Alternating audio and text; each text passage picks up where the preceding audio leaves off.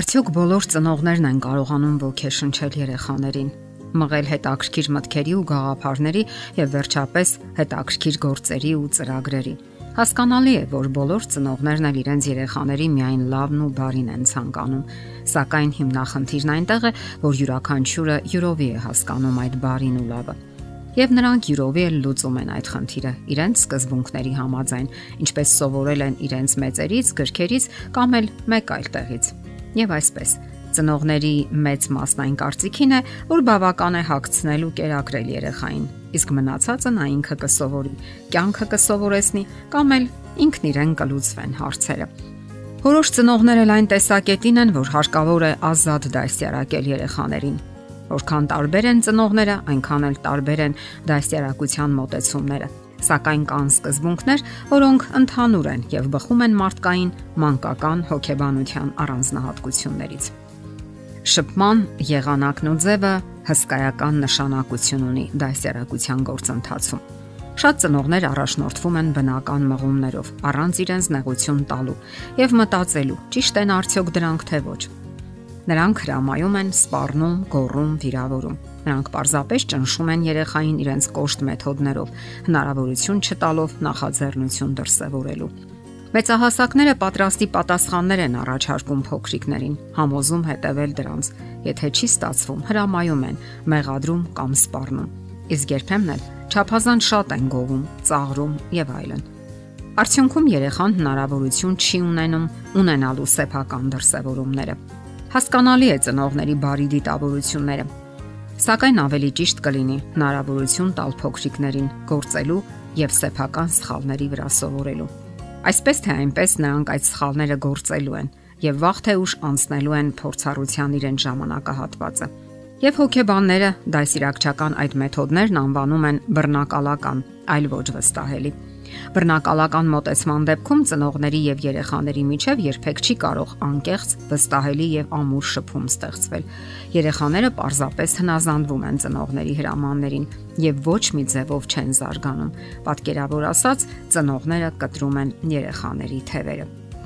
Գոյություն ունի դասերակցության մեկ ուրիշ ձև՝ բարեկամական ոչ, երբ ծնողները պարզապես բարեկամություն են անում երեխաների հետ։ Այս դեպքում նրանք չեն հարթեցնում երեխաների ճանապարհը, այլ թողնում են, որ նրանք անեն դա։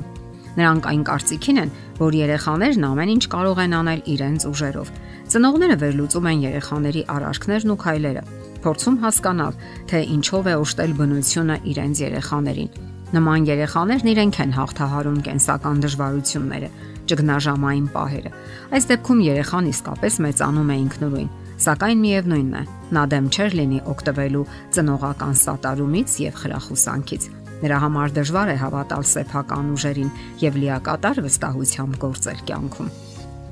Ինչ անել։ Ծնողները պետք է հասկանան մի կարևոր անառարկելի ճշմարտություն։ Երեխան գոյություն ունի եւ հենց դրա համար նրան պետք է սիրել։ Ոչ թե նվաճումների, լավ արժանինքների կամ լավ արարքների համար, այլ պարզապես այն բանի համար, որ նա գոյություն ունի դա սեր է առանց պայմանի եւ անհրաժեշտ է նրա առողջ ու լիարժեք զարգացման համար։ Մանկական հիմնախնդիրներից շատերի պատճառը վախն է, ցավն ու վիրավորանքը։ Վախ, որ չի կարող լինել այնքան լավը, ինչպիսին ցանկանում են իրեն տեսնել ծնողները։ Հարկավոր է լսել ու հասկանալ փոքրիկին, կարեկցել նրան, շփվել դրական նոտաների վրա, այլ ոչ բացասական։ Դու այսպիսին ես, դու այնպիսին ես, մի աղմկիր, մի արա եւ այլն։ Հոգեբանության մեջ այսպիսի ուշագրավ մոտեցում կա. 10 համբույր օրվա ընթացքում։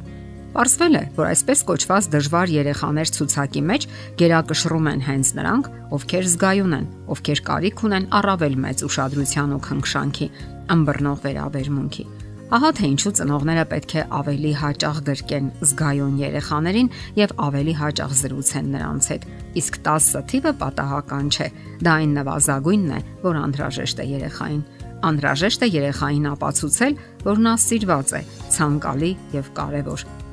Հոգեբաններն այն կարծիքին են, որ երբ երեխան իրեն սիրված չի զգում, ճնշված է ու վիրավորված, դա պատճառ է դառնում ամեն տեսակի մանկական, անբնական երևույթների աճի ու զարգացմանը։ Իսկ պատիժները միայն ավելի են խորացնում իրավիճակը։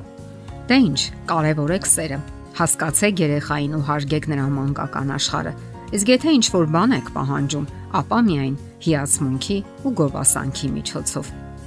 Ասենք նաև որ բարերը հսկայական ներուժ ունեն։ Նրանք կարող են եւ կառուցել, եւ քայքայել։ Խոսքի միջոցով մենք կարող ենք թևեր տալ, ոգեշնչել երեխային կամ էլ խոսքի միջոցով կտրել նրա թևերը։ Որն ենք նախընտրում։ Անկասկած չենք ցանկանում կտրել երեխայի թևերը, Պարզապես շատ ու շատ ծնողներ չգիտեն ինչպես ոգեշնչել երեխային։ Այսպիսի օրինակ, երեխայի ինչու հարցին շատ ծնողներ պատասխանում են. Հարցնում ես ինչու, որովհետև ես այդպես եմ ցանկանում։ Խիստ տրամաբանական պատասխան, այդպես չէ։ Երեխան երբեք չի հասկանա թե ինչ է պահանջվում իրենից։ Ահա թե ինչու հարկավոր է տրամաբանական պատասխաններ տալ երեխային եւ երբեք հանելուկներով չխոսել Եղեք հստակ ու կոնկրետ երեխայի հետ հարաբերություններում։ Նա երբեք չպետք է անիմաստ ձևով լարվի եւ սկսի գուշակություններ անել։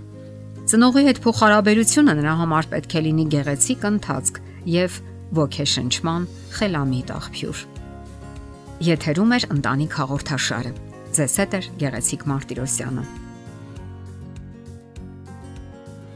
Հարցերի եւ առաջարկությունների համար զանգահարել 033 87 87 87 հեռախոսահամարով։